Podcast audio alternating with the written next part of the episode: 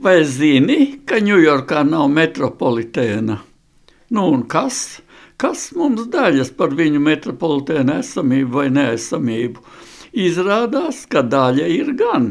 It īpaši jau klasikas publikai, kura radināta un radusi pie Ņujorkas metropolitēna operas.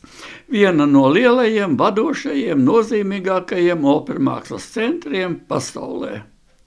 Pazemes dzelzceļš Ņujorkā ir gan viens no vecākajiem, senākajiem pasaulē, taču tas saucas New York City Subway.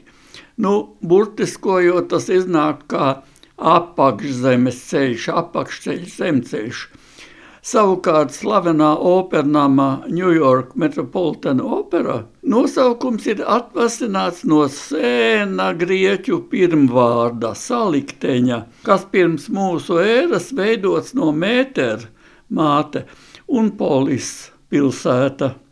Jāpiebilst, ka šis polis ir pamatā arī latviešu valodas vārdam polisa – kas apzīmē galvenokārt senās pilsētvalstis, kuru mūsdienu analogs būtu piemēram Monako, Vatikāns vai Singapūra.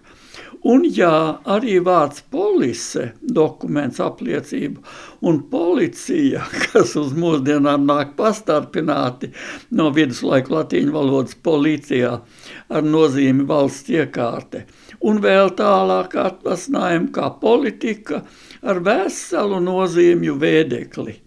Nemaldīsimies tālāk valodu pazemes gaņģos un atgriezīsimies pie Ņujorkas metropoles operas. Nu, tā tad metropole mūsdienās parasti saprotam kā lielpilsēta, galvenā valdošā centrālā, netieši galvaspilsēta ar valstisku statusu. Nē. Tādēļ mūsu mīļā opera Ņujorkā ir vienkārši pirmā lielākā vadošā un virzošā opera. Faktiski visā reģionā vai pat kontinentā. Interesanti, ka otra lielākā Ņujorkas opera saucas Ņujorkas pilsētas opera, York City opera, jo bija vajadzīgs abu Ņujorkas galveno opernām nosaukumu nošķīrums. Un arī Ņujorkas grandiozais tēlotāju mākslas muzejs ir Metropolitan Museum of Art. Un tieši tāpat latviskojams kā metropolis, nevis komiskais metropolitēna muzejs. Arī atsevišķi ņemot salikteņa metropole pirmā daļa mētēra māte, laiku gaitā piedzīvojusi liels pārmaiņas, nu, piemēram, vārds metrdotels. Tagad gan to vienkāršojam un pat pazeminām, saucot par zāles pārzini. Svešvārdu vārnīca sniedz drusku smalkāku skaidrojumu. Galvenais oficiāns restorānā, viesnīcā bet franču pirmvārds nozīmē mājas, mājokļa, dzīvesvietas īpašnieks, saimnieks. Un pēc būtības tas tiešām ir gan īpašnieks, gan saimnieks, gan pārzins, apsaimniekotājs kārtības uzturētājs.